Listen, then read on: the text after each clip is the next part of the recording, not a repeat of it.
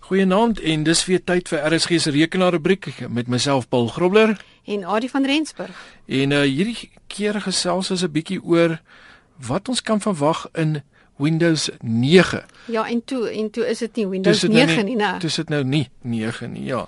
Ehm um, so snaaks is wat dit nou klink.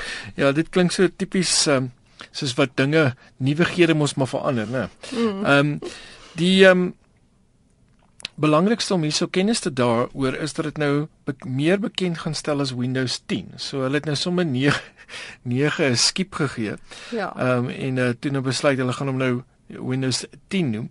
Nou in hierdie nuwe weergawe van die bedryfstelsel wat hulle um sê gaan erns in 2015 vrygestel word. Ek het gehoor om om by Februarie volgende jaar, maar ek wil ek praat net maar net dood eenvoudig uit uit hoor sê uit. Ek daar's nog nie 'n amptelike datum ja, nie. Ja, ek neem aan dit gaan hoeveel terugvoer hulle kry gaan dalk ja. bepaal ja. wanneer hy vrygestel ja. gaan word. En uh, die belangrikste is almal wat Windows 7 gebruik het sal nou weer bly wees want die startmenu is terug. Ek ja. dink dit was een van die grootste um komkommers gewees met Windows 8 wat uitgekom het en hoekom baie mense nie oorgeskakel het na Windows 8 nie, is hulle het nie van die nuwe Metro gehou die Metro gehou en van daai nuwe struktuur gehou nie. So te veel mense daaroor gekla dit lyk lyk egter die startmenu lyk nie heeltemal dieselfde as Windows 7 nie, maar hy het dieselfde gevoel in my opinie. Ek het die ehm um, die technical preview afgelaai. Ek sal bietjie nou-nou daaroor gesels ook. En uh lyk baie soos die oorspronklike Windows 7 met dan die Metro gedeelte wat nou langs basies vas is aan die ehm um, die start menu. En dit dit lyk baie goed. Ek ek persoonlik het dit onmiddellik oopgemaak en ek het onhou onmiddellik gehou van die van hoe dit werk. Okay. So dit was vir my nogal positief geweest. So, as mens glad nie van die teels hou nie, dan kan jy hulle trek na die na die menu opsies ja. toe en dan word hulle almal menu ja. opsies. Dan ja, so, dan lyk dit nou... meer soos Windows 7 ja. se. Dis dalk wat ek sou doen. ek moet sê dit dit het my nie soveel geplan nie. Ek wou net baie graag my start menu terug hê want almal is gewoond daaraan oor waar kry jy goed via mm. jou start menu mm. en ehm um, hulle het van die um, kortpad sleutels gehou soos um, Windows key en X natuurlik wat baie mense nie van weet in Windows um, 8 nie uh, Windows X natuurlik gee vir jou um, soortgelyk aan die start menu mm. gee vir jou 'n klomp 'n klomp opsies nou mense kan die menu items um, en teel skuif soos wat uh, mense maar in 8 ook kon doen maar jy het nou baie beheer oor dit en uh, jy kan dit uh, as mens dan 'n nou menu item trek na die teels dan verander dit in 'n teel um, mm. en soos jy nou gesê het vice versa. Ook, ja. So um, dan is daar uh, universele toepassings soos wat hulle dit noem en uh, Microsoft onderskei nou nie meer tussen Windows 8 toeps nie of toepassings nie uh die Windows Store toeps en byvoorbeeld die Metro toeps nie. So dit word nou net staan nou net bekend as universele uh toepassings. Hmm. Nou hierdie universele toeps hardop um, elk in sy eie venster en die grootte daarvan kan mens natuurlik dan nou verstel. En dit beteken dat uh, programmeerders 'n toepassing kan skryf wat op enige toestel of dit nou 'n skootrekenaar, 'n slimfoon of 'n tabletrekenaar is, kan dit hardloop. So dit maak ja. maak die lewe ook nou 'n bietjie makliker vir 'n mens daar buite. Dan uh, Windows 10 sal bepaal of 'n mens 'n sleutelbord en 'n muis het en uh, dit sal jy dan na die desktop neem indien hy sien dat jy 'n muis en 'n sleutelbord teenwoordig het. Mm. en indien jy dan nou 'n um, 'n muis en 'n en die sleutelbord nie teenwoordig is nie sal dit eers vra of dit jou kan neem na die Metro startskerm kyk dit maak sin. Ek bedoel ek het 'n rekenaar by die huis ook wat 'n touch screen is en dit werk maklik dan werk die die metro skerm goed. baie goed ja. as jy hom as jy hom so kan vee oor die skerm, jy, ja. 'n vee skerm. Nou uh hierdie nuwigheid staan dan bekend as kontinuum. Ja. En uh dit mag frustrasies aanspreek wat uh mens met Windows 8 ondervind het. En dit maak baie sin. Ek wil as jy 'n muis het en jy het 'n 'n sleutelbord dan is dit makliker om die desktop te gebruik en as jy dan nou nie dit het nie en jy het 'n touchscreen dan is dit makliker om uh, die metro die te metro gebruik. te gebruik. Dan het hulle veelvoudige desktops. Mens kan meer as een desktop byvoeg um, om werk te ver te vergemaklik indien daar op verskillende projekte gewerk word. Dis ook nogal oulik. Hmm. En uh, die screen snapping van Windows 8 is ook in Windows 10, uh, maar dit is verbeter sodat tot 4 programme of toepassings elkeen in 'n hoek gesnap kan word. Dit klink amper soos 'n uh, verfbal. Ehm um, daar doen jy ook snapping. Nou daar is uh, ook 'n nuwe task view ikoon wat dit maklik maak om te wissel tussen uh, oop programme of desktops. En uh, Microsoft wend 'n ernstige poging aan om gebruikers terugvoer oor Windows 10 te kry sodat hulle seker nie weer die fout maak soos nou met Windows 8 nie. En uh, hulle het dit lanklaas gedoen hè. Ek dink die vorige keer was met Windows 95 gewees. Mm.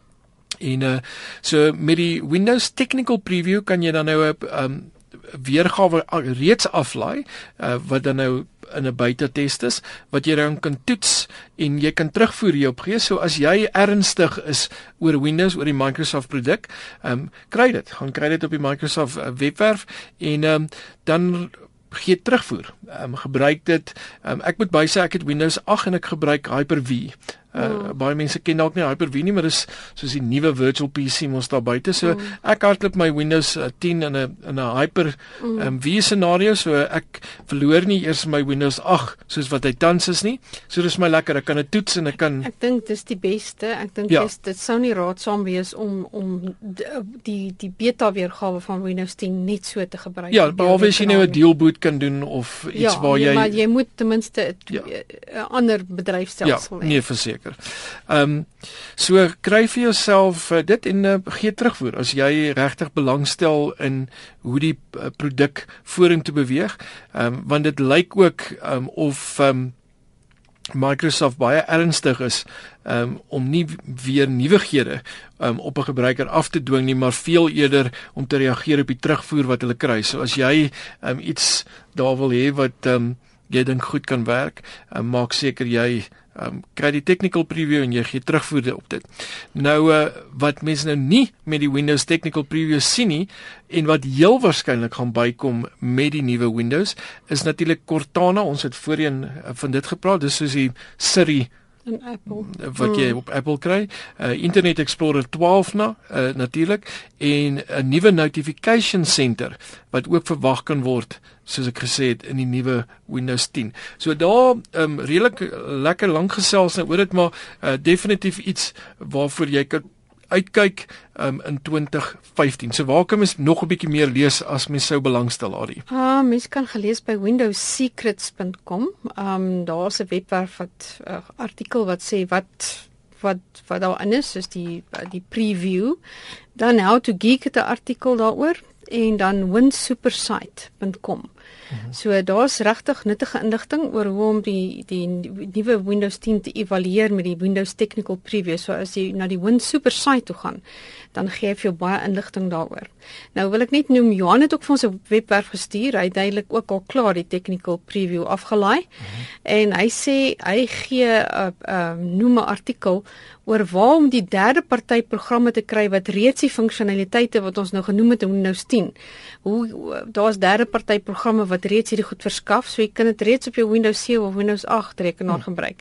So en dit is ook 'n artikel wat op die How to Geek webwerf sit. Nou ja, as jy hierdie inligting wil kry, natuurlik nog vele meer gaan kyk gerus by ons webwerf rsg.co.za onder Chalatyd by die RSG rekenaar rubriek waar al hierdie skakels dan beskikbaar is en jy's ook welkom om vir ons jou terugvoer te eh, stuur of eh, 'n uh, vraag te vra en uh, ons sal daarop reageer. Stuur dit gerus na rekenaar by rsg.co.za.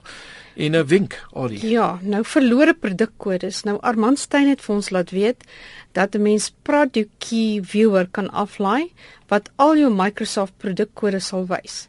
So dit is 'n Nirsoft produk, so hy sê gaan laai dit af by www.nirsoft.net/utils/um productcdqviewer.html.